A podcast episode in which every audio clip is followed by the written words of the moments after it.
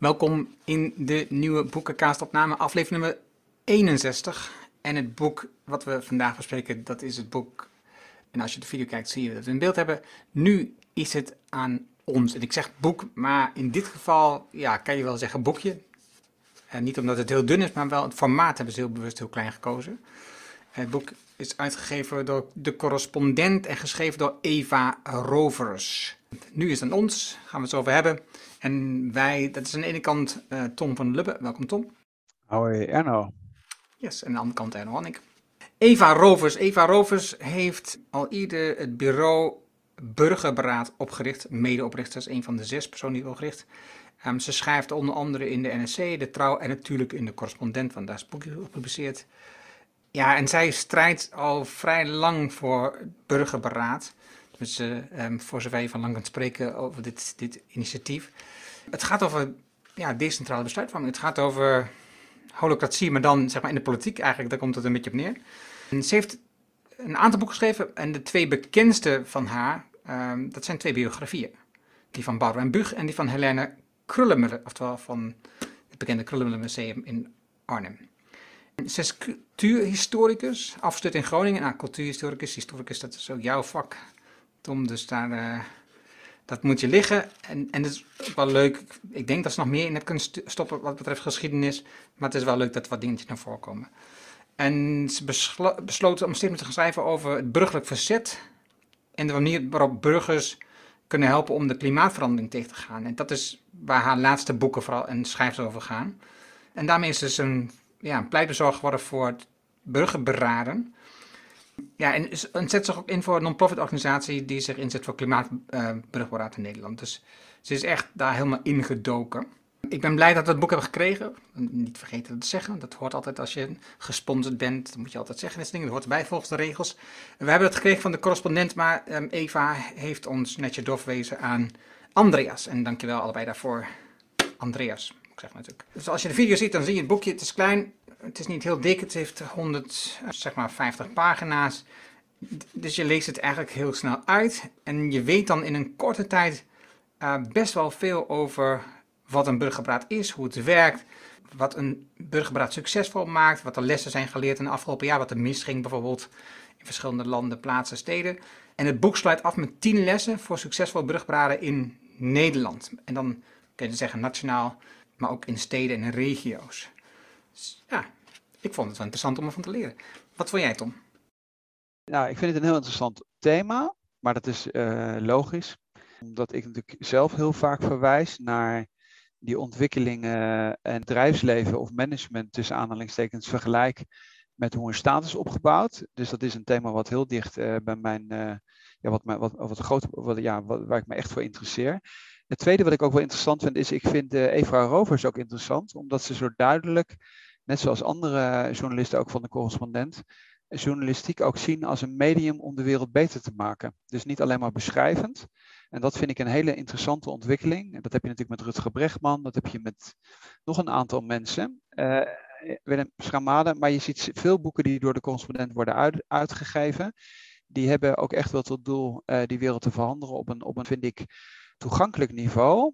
Dus voordat we in het, in het boek duiken, wat ik hier ook weer interessant vind, is dat het, het is kort, het is overzichtelijk, het is juist niet wetenschappelijk geschreven, maar heel toegankelijk geschreven. Je leest het in één avond uit. Dus het is voor de geïnteresseerde, voor de interesseerde burger die binnen één avond op een iets breder en intensiever niveau geïnformeerd wil worden over eigenlijk ja, directe democratie, om het maar even, even heel plat te slaan.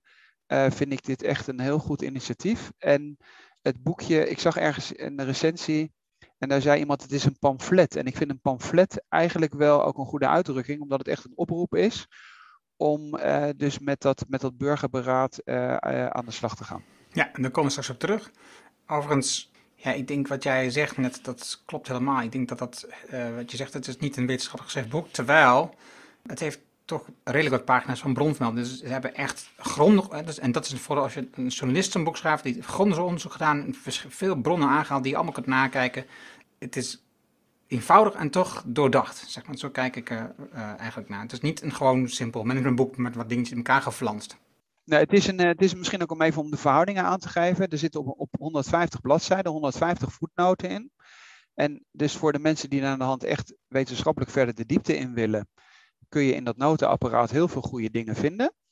Maar als je zegt van nou, ik wil gewoon een, een introductie hebben in dat thema, dan heb je aan die 150 bladzijden ook genoeg. Het is, het is eigenlijk gewoon een soort long read, zoals je ze van de correspondent kent. En dit is gewoon ja, een echte, zeer, zeer uitvoerige introductie. En als je dat boekje gelezen hebt, dan kun je best wel goed meepraten over dat thema. Eens. Het boek heeft vijf hoofdstukken. De klimaatnoodzaak, de democratische noodzaak, burgerberaden als noodzakelijke vernieuwing, lessen over klimaat-burgerberaden, hoe burgerberaden net zo normaal worden als verkiezingen en een bijlage, doe het goed of doe het niet. Daar kom ik straks op terug. Ik wil graag aftrappen met de klimaatnoodzaak. Dat gaat mij heel erg naar aan dingetje, jou ook, maar de volgende democratische noodzaak die ligt dichter bij jou, denk ik. Dus dat kunnen we mooi zo afstemmen. De, klimaatnoodzaak is niet een heel uitgebreid hoofdstuk. Ik denk ook niet dat we het heel erg over hebben, want het gaat over de klimaat. Dat is super duidelijk. Een probleem wat de wetenschap al heel lang aan ziet komen. In ieder geval het probleem dat we steeds meer de verkeerde kant op gaan. En ook het probleem dat we het maar zien, niet zien om te buigen. En zij benoemt bijvoorbeeld ook de lobby's vanuit verschillende branches, verschillende grote bedrijven, en met name fossiele industrie is er voortdurend twijfel gezaaid over of dit nou moet ja of nee, of dit nou werkelijk dement wat veroorzaakt ja of nee. Dat, dat, het, dat het toch in de toekomst altijd allemaal nog goed komt, dat we als we meer gaan groeien, meer gaan dan komt dat vanzelf allemaal goed. BS, voor steeds meer mensen wordt het duidelijk dat we onze manier van consumeren en produceren moeten veranderen, zegt ze. En het veranderende klimaat dwingt ons steeds meer gezamenlijk aan de slag te gaan, is de afsluiting van dit hoofdstuk. Zal ik iets zeggen over de democratische noodzaak dan? Is dat wat jij wilt? Ja, ja dat is in principe dus de tweede, de tweede reden dat zij zegt van, uh, even heel, heel plat gezegd, de democratie in de huidige vorm functioneert niet. Er is te weinig draagvlak en de, en de problemen worden niet aangepakt. En wat jij net zei over het, over het uh, klimaat, zegt zij in principe ook over de, over de democratie. Uh, dus je hebt populisme, je hebt mensen die zich steeds maar af, afwenden, of af, ze noemt het dan afgehaakt Nederland. Uh, je hebt de hele discussie over de marktwerking. Uh, nou, allerlei dingen worden genoemd. alle petities, demonstraties, ins inspraakavonden, et cetera. Het functioneert maar heel erg beperkt. En wat je zelf ziet natuurlijk, om nog even terug te koppelen naar die, um, ook naar die klimaatdiscussie, is dat het vaak zo ver gaat dat burgers eigenlijk naar de rechter toe lopen en zeggen van waar kan ik überhaupt nog mijn recht halen of eigenlijk de overheid dwingen voor het algemeen belang op te komen. Hè? Dus bijvoorbeeld agenda in het kader van het klimaat. Uh, maar je ziet, dat, je ziet het in principe natuurlijk wel veel meer, ook, ook bij de democratie. Uh, ze spreekt het lobbyisme aan en de ongelijke, eigenlijk de ongelijke machtsverdeling. Dat natuurlijk het bedrijfsleven veel meer lobbymacht heeft en allerlei lobbyisten heeft uh, rondlopen in de, in de Tweede Kamer. En wat ik wel eigenlijk het meest pregnante citaat vind, is het citaat, en daar hebben we het vorige keer ook over gehad, van Alex Brenningmeijer, die in een interview zegt, eh, we hebben een wetgever die zich niet aan de rechtsstaat houdt, een uitvoerder die de wet, klakkeloos opvolgt, opvolgt zonder zich om de grondrechten te bekreunen. Daar gaat het bijvoorbeeld om de toeslagenaffaire en een rechter die zich gouvernementeel opstelt en het beleid alleen maar bevestigt. En, en dat is waar ze eigenlijk zegt van ja, je hebt dus meer democratie nodig in, de, in het kader van je moet, de politiek moet weer dichter bij de burger staan. En daar is het burgerberaad, en dat is natuurlijk niet verbazend, uit haar optiek de oplossing voor. Ja, en je noemde net het afgehaakt Nederland onder andere de rechtsstatelijke falen. Het zijn allemaal dingen die ook terugkomen in het boek wat we eerder hebben besproken. De Verdeelde Nederlanders, aflevering 39 van Sjoerd Beugelsdijk dat bracht dat ook allemaal aan, aan het licht. Iets uitgebreider. Dus dat als je dat wil verdiepen, luister naar die aflevering, dan heb je op dat stuk ook nog wat verdieping. Dus ja, ik ben het mee eens. En ze sluit ook af met dat, dat de andere stuur die, die in de wereld zijn, dus niet democratisch. Hè, dus er zijn natuurlijk heel veel andere vormen van, van organiseren. Die zijn niet beter geschikt om deze klimaatcrisis, dus de, eerste reden waarom we nu iets moeten veranderen, om dat beter te doen. Want het is wel duidelijk, hoe meer democratie, hoe meer klimaatbeleid er is in, die in de landen. Dus het is niet zo, wat soms als gedacht, hè, laten we zo handelen als China. Want die pakken op dit moment voortvarend, zijn ze aan de slag met bijvoorbeeld elektrische auto's invoeren, of uh, trein, openbaar transport. De, uh, heel veel dingen zijn ze aan het veranderen. Allemaal vanuit een hele andere manier van organiseren. Maar dat is niet de oplossing. Want uiteindelijk zegt ze, hoe meer democratie, hoe meer klimaatbeleid. ze vallen in principe in één zin samen op bladzijde 58. Er is dus niet minder democratie nodig, maar meer democratie nodig. En dat is in principe ook weer de link naar de discussie over hoe worden bedrijven opgebouwd.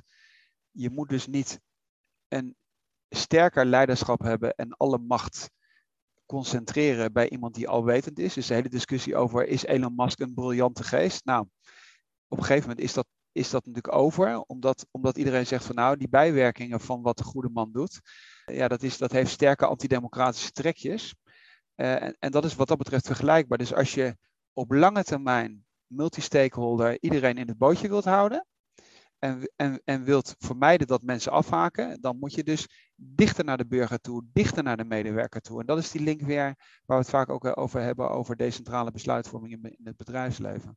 Ja, ik moet gewoon telkens weer denken aan het bekende gezegde, alleen ga je sneller en samen kom je verder. Dus als alleen een leider en je, je neemt snel besluiten, je hakt dat allemaal door, je voert het allemaal gewoon zonder overleg door, ga je echt sneller vooruit.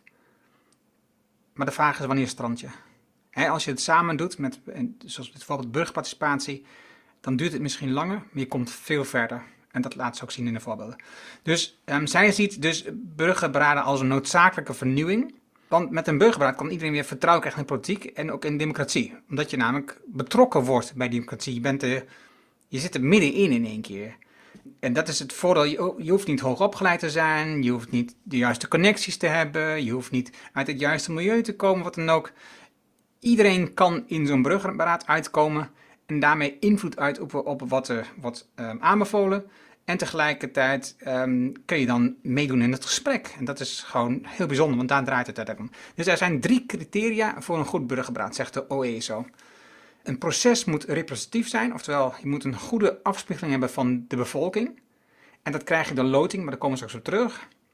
Het proces moet deliberatief zijn, oftewel je moet een overleg hebben. Het gaat niet over een debat, maar het gaat over overleg. En het moet een reële impact hebben. Oftewel, je moet ervoor zorgen dat de overheid nadat de aanbevelingen zijn gekomen uit het overleg ook iets gaat doen met die aanbevelingen. Dat ze ze werkelijk gaan aanpakken, invoeren, um, in, in de recht um, implementeren. Maakt niet uit wat. Maar als je mensen iets laat doen wat een soort schijn impact geeft, illusie, ja, dan, dan verlies je nog meer het vertrouwen van de mensen. Um, en daar heeft ze ook voorbeelden van. Dus dat betekent dat het echt gaat over dialoog en niet over debat. En mooi wat ze daarbij zegt, je zoekt samen naar overeenkomsten en oplossingen. In plaats van dat je de verschillen opzoekt met elkaar. Het is, waar we nu vooral mee bezig zijn, is natuurlijk gewoon dat de, ja, de, de, verschillen steeds duidelijker worden. staan steeds meer tegenover elkaar. En zijn steeds meer vliegen afvangen dat het een niet klopt en het ander wel klopt. Terwijl als we gewoon op zoek gaan naar wat we wel samen kunnen realiseren, dan komen we gewoon uiteindelijk verder. En zij geeft daar in verschillende voorbeelden wat je kunt doen, waarmee je dus bijvoorbeeld een burgerberaad voor in zou kunnen zetten. Dat is pensioenstelsel, kun je denken, energiebeleid, natuurstijl, klimaatverandering. Nou er is ook nog voorbeelden die dus eh, zijn genoemd in landen waar het zijn doorgevoerd. Waar komt bijvoorbeeld corona naar voren? Want je doen als corona is uitgewerkt. Wat moeten we doen met het ziekteverzuim? Van, uh, wat moeten we doen met, met de zorg? De druk op de zorg. Er zijn zoveel onderwerpen waar heel veel mensen op geraakt worden, waar je een burgerbraad heel goed kunt inzetten. En dan vertelt ze in dit hoofdstuk over een heel groot burgerbraad, wat een van de eerste nou, herkenbare grote voorbeelden is, is in Ierland. En het gaat over abortus. En als je Ierland een beetje weet en je weet over de geweld die er altijd jaren is geweest, dat is nogal een geloofsdingetje daar zo. Dus abortus heeft een fundamenteel gevoelig punt vanwege het geloof alleen al. En dus daar zijn ze al 40 jaar in discussie geweest en ze konden niet over eens worden. En ze hebben dus een burgerbraad ingesteld om te kijken, kunnen we hier nu vooruitgangen boeken? Kunnen we hier keuzes in maken op dit onderwerp, op dit heel ingewikkelde onderwerp? Dat hebben ze heel uitgebreid gedaan. Um, ze hebben uh, gewerkt met overleg, met loting, met experts, gespreksleiders. En er is ook een vervolg aangegeven in het parlement, dat denk ik misschien wel het allerbelangrijkste was. Dat ze ook werkelijk hebben doorgevoerd. Waarvoor ze eerst nog weer een peiling hebben gedaan bij de bevolking of ze het eens waren met de punten die ze hebben aangedragen. En na bijna 40 jaar van impasse op dit onderwerp kwamen 99 burgers, moet nagaan, 99 burgers maar, binnen een half jaar met de oplossing die is doorgevoerd. Nou, ik denk, als je iets zoekt van een bewijslast dat het werkt, dan is dit het wel. Overigens zijn er ook dingen die niet goed zijn gegaan. Laten we eerlijk wezen, noemt ze ook. Bijvoorbeeld eh, dat de opdracht eigenlijk in het begin wat onduidelijk was. En ook dat je niet precies, het niet precies wist wat ze met de aanbevelingen gingen doen. Of bijvoorbeeld dat het politiek met het proces zich toch nog ging bemoeien. En waarbij je eigenlijk een onafhankelijke organisatie wilt inzetten om de uitvoering goed te organiseren. Nou zo zijn een paar meer dingen. Als je kijkt naar de vijf redenen waarom een burgerraad werkt, eh, daar heeft OESO dus onderzoek naar gedaan over de wereld. Dus er zijn vijf punten. Allereerst, het is ongelijkheid. Dus je hebt allerlei verschillende deelnemers. En hoe meer verschillende mensen, hoe meer ideeën krijgt. Want dat is namelijk ook de kennisdiversiteit namelijk die eruit haalt. Er zitten heel veel mensen met heel veel verschillende kennis zitten in. Waardoor je dus een veel betere oplossing krijgt dan als je een homogene groep hebt. Um, het derde punt is dan ruimte voor goed overleg. Dus je neemt de ruimte en tijd dus om een goed overleg te hebben. En daarin geef je toegang tot alle informatie nodig is. Je zorgt ervoor dat experts komen die allerlei vragen kunnen stellen. Je zorgt ervoor dat je begeleiding geeft voor mensen die het niet goed begrijpen. En dan punt 4 is de focus op gemeenschappelijk welzijn. Dus je zit er voor jezelf. Je hebt geen belang om iemand een achterband te verdedigen of iets bijvoorbeeld. Maar je zit er gewoon voor je eigen belang en die van de gemeenschap. En je denkt ook na daardoor over de lange termijn. Je hoeft niet na te denken over bijvoorbeeld, wat is mijn volgende ambtstermijn? Word ik wel weer opnieuw verkozen? Dat is, dat is helemaal niet van, want het gaat puur over dat moment dat je in het burgerberaad zit. En dat is ook een loting, dus dat je erin zit, is gewoon puur toeval. En het vijfde punt is vertrouwen. Want andere mensen, de rest van de bevolking, die vertrouwen die mensen die in die burgerberaad zitten. Want er staan de mensen zoals jij, zoals jij en ik. Er, zijn, zitten altijd mensen in die je kent, hé, hey, die lijkt op mij. Nou, dan zal het wel goed zijn. Dus dat is wat moois noemt um, voorbeelden voor enkele burgers en regio's in de wereld zijn geweest.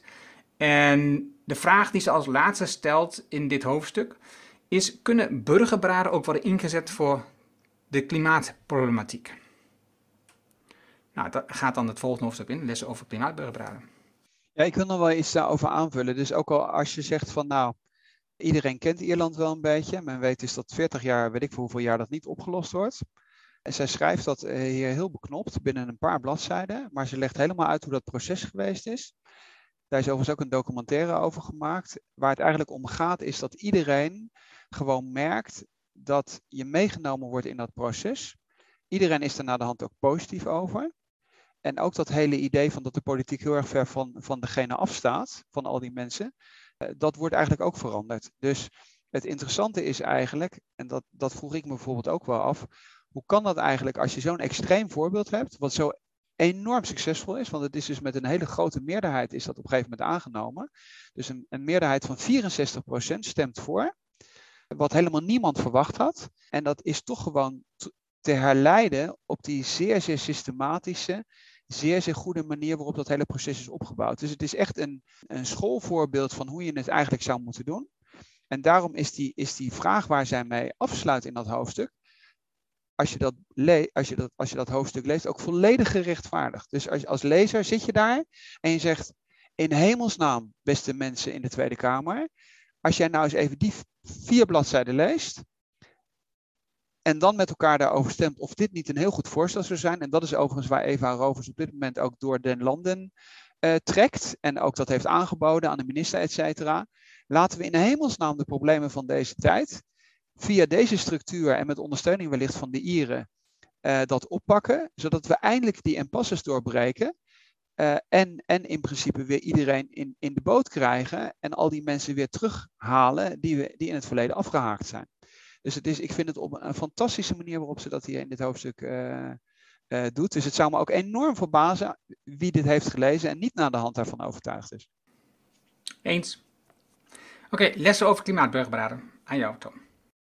Ja, wat interessant is, is uh, en ik, ik weet niet precies waar ze dat heeft geschreven. Ik geloof dat ze ook net een stuk, dat ze heeft gereageerd op een, uh, op een opiniestuk in het NRC. Waar ze een weerwoord uh, ook heeft gegeven, omdat er dan vaak ook negatieve voorbeelden worden genoemd over, over lessen van klimaatburgerberaden. En, en daar wordt dat voorbeeld van Macron heel vaak komt terug. en dat is uiteindelijk is dat logisch. Dus in, als, je, als je dat, ze, ze, beschrijft dus wat er allemaal fout is gegaan in dat, in dat Franse burgerberaad. Dat er dingen van tevoren beloofd worden, die dan aan de hand niet geïmplementeerd worden. Het wordt alleen, werd alleen door de president uh, werd het, uh, werd het aangekondigd, niet, in, niet samen met het parlement, et cetera. Nou, dat legt ze allemaal uit. maar uiteindelijk moet ze zich daar ook vaak, vaak publiekelijk dan verdedigen. Maar dat is wat je bij zelforganisatie ook heel vaak hebt. Dan, moet je dus, dan is het ergens niet goed gegaan. En dan moeten wij ons als bedrijf, ons, ja, moeten wij daar tegen ingaan en zeggen ja, maar. Uh, en uiteindelijk is de conclusie dat daar waar het niet goed is gegaan, heeft men dat gewoon niet systematisch ingevoerd. Dus even heel simpel gezegd, om, om er gewoon een klap op te geven. Als de Fransen de structuur van het hoofdstuk daarvoor, van de Ieren, gewoon netjes hadden overgenomen en dat net zo systematisch hadden gedaan als de Ieren, dan was dat wel een succes geweest. Want het interessante was, en dat is vind ik ook wel een beetje de, de, de kern van, van die hele discussie.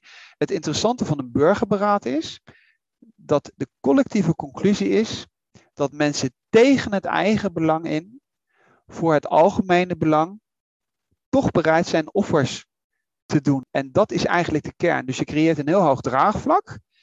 En dan is bij klimaat is de conclusie, omdat we allemaal kinderen hebben, ook weer even om het, om het een beetje af te korten.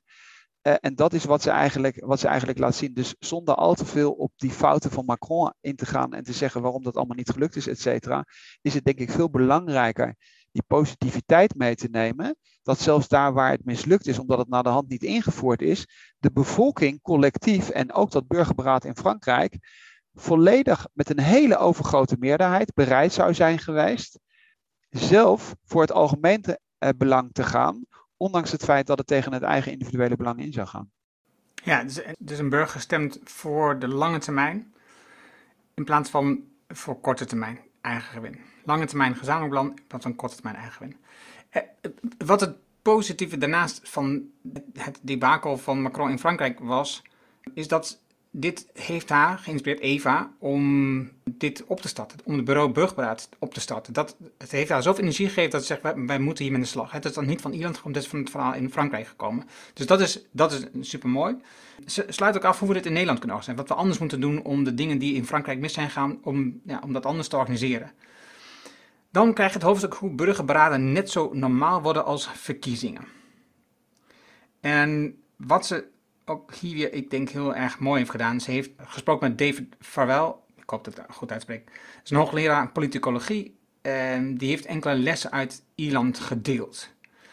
En wat daar misging en wat veel beter is gegaan in het Duitsstalige België, dat laat ik zo zien, is de regering bepaalt veel, te veel de onderwerpkeuzes in Ierland. Want ze hebben na, na het ene uh, rondom het, het, meest ingewikkelde onderwerp, hebben ze veel verschillende burgerberaden gehad. Maar die zijn allemaal hetzelfde. Ze hebben dus eigenlijk geen lessen geleerd. Ze hebben geen dingen veranderd. Ook niet van andere landen of steden hoe ze hebben gedaan. Hebben ze ook niet van geleerd. Ze doen het op dezelfde manier, waar nog steeds fouten in zitten. En de overheid houdt de organisatie veel te veel in handen, terwijl ze dat op hetzelfde moment hadden gebruik kunnen maken van externe mensen die dat veel beter, um, zoals gespreksleiding kunnen voeren, noem maar wat noemen. En wat hij ook zegt, hè, uh, garbage in, garbage out. Als je een hele zwakke of vage of algemene vraag stelt voor het burgerberaad, en dat doen natuurlijk de overheid graag, want dan zeggen we, oké, we betrekken de mensen, geef je een beetje een domme vraag, mag je in de slag, en dan krijg je gewoon ook een heel vaag antwoord of een zware aanbeveling van zo'n burgerberaad. Zinloos, geldverspilling. Laten we dat alsjeblieft niet doen. In het Duitsstalige België hebben ze uh, burgerberaad ook ontdekt. Sterker nog, ze hebben het permanent burgerberaad hebben ze nu. Het is niet een heel groot deel, het is eh, minder dan 50.000 inwoners dat deel van België, dus misschien denk je, ja, ja dan, dan is het logisch dat het kan. Onzin. Ze hebben daar een klein burgerberaad wat permanent is geïnstalleerd. En permanent betekent niet dat het permanent dezelfde mensen zijn, want iedereen doet het anderhalf jaar. En de burgers bepalen zelf wat de onderwerpen zijn die ze dan in die periode behandelen. Dus ze hebben drie onderwerpen die ze behandelen in die periode. En ook daar is het weer geloten inwoners. Ook daar zie je een heel gemeleerd gescheldschap wat op dat moment bezig is. En naast het permanente stuk hebben ze nog steeds ook ad hoc burgerbraden over onderwerpen die tussendoor komen. En dat hebben ze ook in Parijs overigens. Hebben ook een, daar een permanent uh, burgerraad nu en daarnaast ad hoc burgerberaden. En Eva sluit af met de activistische oproep.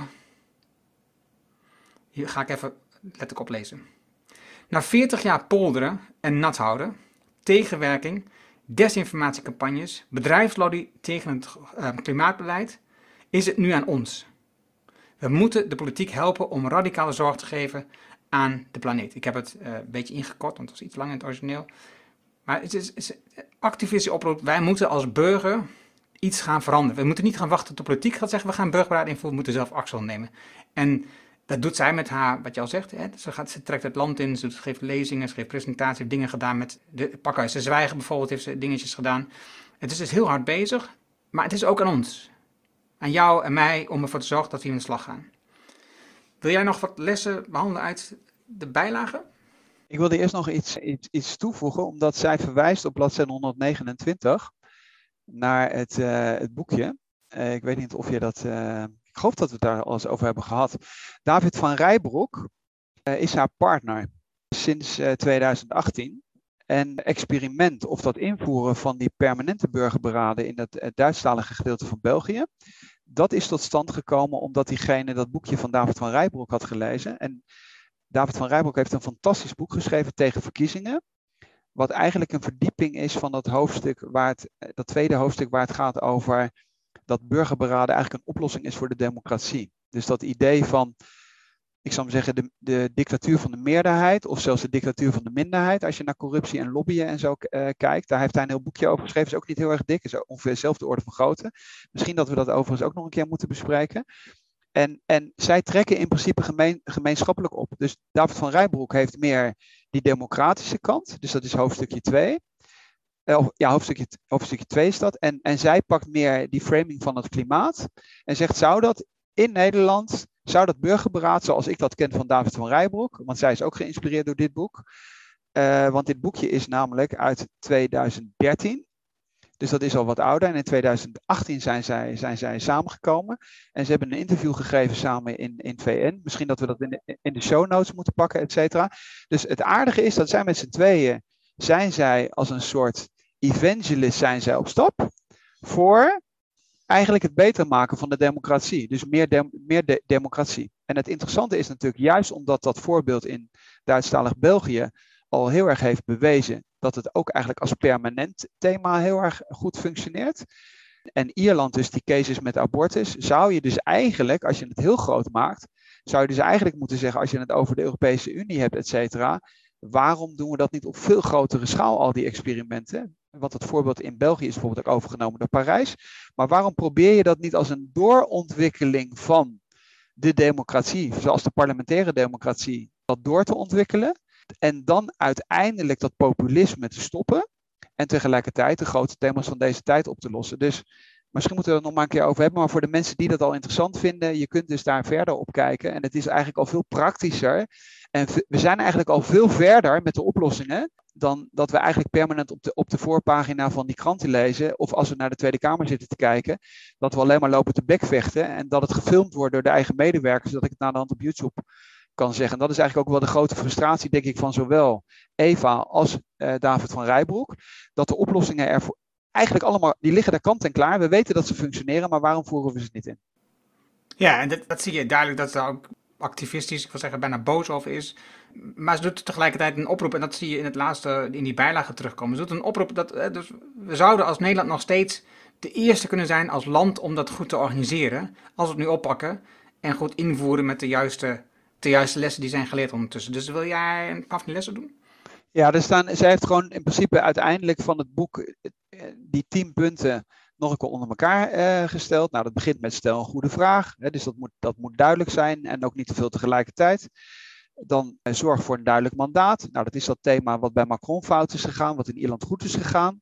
Dat als de regering het doet, dat je, dat je van tevoren met, dat samen met het parlement moet doen. Want niet de regering is uiteindelijk heeft uiteindelijk de soevereiniteit of de, is, is beslissend, maar het parlement, hè, dat is waar eigenlijk de macht in, in onze democratische staat ligt. Nou, iets over gewogen loting. Nou, dat zijn meer de details, maar het gaat erom dat het dan een goede afspiegeling is van die hele maatschappij. Uh, nou, dan zit er nog een praktisch puntje in dat de deelnames voor, dat barrières voor de deelname weg moeten worden genomen. Dat gaat bijvoorbeeld om over dagvergoedingen van mensen en reiskosten en kinderopvang, et cetera, zodat zodat je niet een, een, een, negatieve risicoselectie krijgt. Dat mensen zeggen, ja, maar ik zou mee willen doen, maar ik heb geen oppas, uh, et cetera. Uh, en dan hou ik met het vijfde punt uh, hou ik op en dan geef ik aan jou door. Wat ook belangrijk is, is dat je tussendoor gebalanceerde informatie verder geeft en, en, ja, en wees transparant. Nou, dan zijn we ook weer bij dat thema radical transparency. Laat gewoon zien wat de thema's zijn, hoe ze opgelost worden, welke mensen daar spreken, et cetera. Omdat je daarmee in principe ook vertrouwen creëert. En het interessante is ook, wat fout gegaan is in Frankrijk, even echt een detailpuntje, dat als mensen samen met elkaar aan tafel zitten, dat je een onafhankelijke moderator moet hebben, die zelf niet bij betrokken is. En het interessante is, als je dan weer naar Holocracy kijkt, daar heb je ook een moderator die gescheiden is van degene die verantwoordelijk is voor de resources van het team. Dus het zijn allemaal, het zijn allemaal terugkerende principes. Er zit iemand voor, geeft mensen, geeft mensen de tijd om te reageren. En wat heel belangrijk is, wat in Frankrijk ook fout is gegaan en in Ierland wel goed heeft gefunctioneerd. Iedereen heeft exact dezelfde tijd. Dus ook al ben jij vrachtwagenchauffeur en praat mee over de abortus of je bent hoogleraar ethiek. Je, je had in beide gevallen had je als je daar aan tafel zat, had je beide, ik zou zeggen, 10 minuten om je woord te doen. En dat is wat natuurlijk in, normaal gesproken in de praktijk fout gaat, omdat degene die door iedereen wordt gezien als meer deskundig, in principe dan die discussie pakt. Ja, en eigenlijk was dat punt 6, zet in op gelijkwaardig overleg. 7, betrekt de hele samenleving. Dus dat betekent dus dat je in het proces ook naar buiten communiceert wat er precies gaande is, wat is het onderwerp. Uh, laat ze uiteindelijk meestemmen over de onderwerpen die zijn gedaan, zodat iedereen het is niet een ja-nee stem, maar dan geef je meer keuzeopties bijvoorbeeld. En, je laat ze bewust meedenken. Vertrouw inwoners, dat is punt 8, dus het zijn burgers. Eh, maar als ze dus zo samen zijn, zijn ze in staat om met hele interessante en goede voorstellen te komen. Dus vertrouw ze gewoon daarin. Neem de tijd. Uh, zeg niet van we moeten het volgende klaar hebben. Nee, als een onderwerp groot is, neem er ook echt ruim de tijd voor. In Ierland was het een half jaar. Maar het is in geen vergelijking met 40 jaar zitten te worden. En als laatste, doe het vaker. Oftewel, zorg dat je continu brugpraat organiseert op eenvoudige of op ingewikkelde onderwerpen of korte onderwerpen, maar maak deelonderwerpen. Maar doe het gewoon veelvuldig, want dan wordt het proces ook makkelijker voor jezelf en kun je het beter organiseren. Dat was hem. Ik heb nog wel één opmerking, uh, of meer een vraag de, aan de auteur. En wat mij verbaast is dat Zwitserland helemaal nooit terugkomt omdat Zwitserland natuurlijk heel erg decentraal opgebouwd is en er best wel veel elementen uh, daarin zitten. Nou begrijp ik op zich ook wel waarom ze het niet doet, omdat bij, bij referenda uh, dan vaak ja, nee alleen maar de enige optie is, en dat legt ze hier wel heel goed uit, dat je dus een referendum anders moet inrichten. En dat je bijvoorbeeld, dat is misschien nog wel een punt wat we even moeten noemen, dat je dan moet zeggen, oké, kun je in een volgorde vijf dingen onder elkaar zetten, volgens de manier waarop jij dat vindt. Omdat het dan, het is meer grijs dan zwart-wit. En in een referendum waar je alleen maar mag kiezen tussen ja en nee, dat is nou juist weer wat polariseert. Maar ik zou wel nieuwsgierig zijn uh, hoe, ze, hoe ze dat eigenlijk ziet. Want ik denk persoonlijk dat de combinatie van burgerberaad en dat Zwitserse systeem, ook weer met dat rolerende bijvoorbeeld in de regering, dat dat eigenlijk de oplossing zou zijn voor het hele disaster wat we eigenlijk ja, met onze democratieën hebben, waar nu de roep elke keer is van ja, nee, maar dan moeten we een sterke man hebben die heel goed dat weet. Hè, wat jij met China al noemde. Of ook bij de ondernemers, Elon Musk, die moet met de, met, de, met de wijsheid voorop lopen. Dus eigenlijk ligt het allemaal kant en klaar. Ja, het is, het is, de vraag is waarom gebeurt het eigenlijk niet? Waarom omarmt de politiek of de Tweede Kamer niet zelf dit initiatief? Om een heel groot gedeelte van de, van de geloofwaardigheid die het parlement zelf verloren heeft en, de, en ook de regering verloren heeft, weer terug te winnen. Dus ik denk ook dat het in het eigen belang zou zijn van de regering en de Tweede Kamer hiermee aan de slag te gaan. ik denk, als ik dit nog zo weer beluister, dan denk ik dat er enorm veel vergelijkenis zit met waar we het al vaker over gehad en ook boeken over besproken hebben, over het Anglo-Amerikaanse denken en het Rijnlandse gedachtegoed. Bij het Anglo-Amerikaanse gedachte, daar is de sterke voorman slash voorvrouw maar meestal man, die bepaalt, uh, die communiceert vooral wat er moet gebeuren. De rest moet opvolgen, moet dat ook allemaal vastleggen, zodat je heel veel bureaucratische omstandigheden... Nou, dat is hoe het systeem in Nederland nu uh, op overheidsniveau, op zorgniveau, heel veel plekken werkt het dat ook zo, zeker in de Kamer.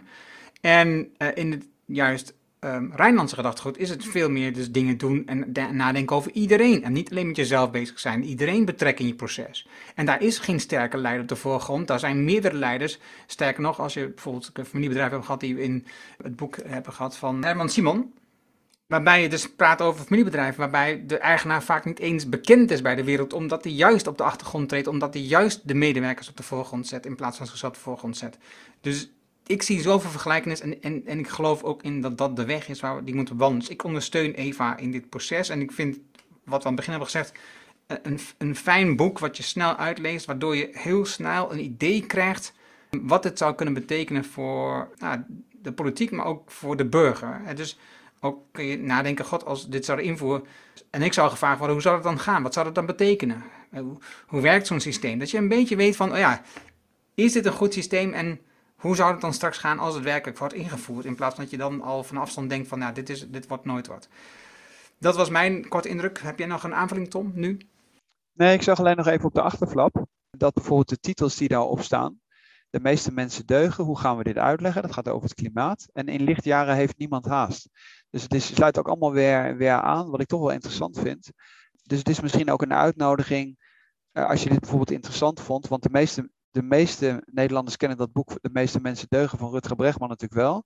Dus het is in deze tijd waar we zo vaak het nieuws zien en ook best wel neerslachtig en depressief worden, is er eigenlijk voldoende hoop Alleen we zouden ons meer concentreren, daarop moeten concentreren. En dit is ook weer een typisch voorbeeld. Dat je soms zit te kijken naar de politiek en denkt, jongens, wat is dit voor een enorme puinhoop. Terwijl hier weer heel concreet er een hele praktische en goede oplossing ligt, waarvan we weten dat het eigenlijk voor 95% ook een oplossing zou zijn voor, voor de debakels waar we eigenlijk nu geen millimeter verder mee komen. Eens. En op de, die afsluiting eindig ik graag deze aflevering. Dankjewel voor het luisteren naar deze podcastaflevering over het boek Nu is het aan ons. We vonden fijn dat je het luistert. We horen je graag, we zien je graag terug in een volgende podcastaflevering en graag tot snel. Dankjewel. Tom. Dankjewel Erno.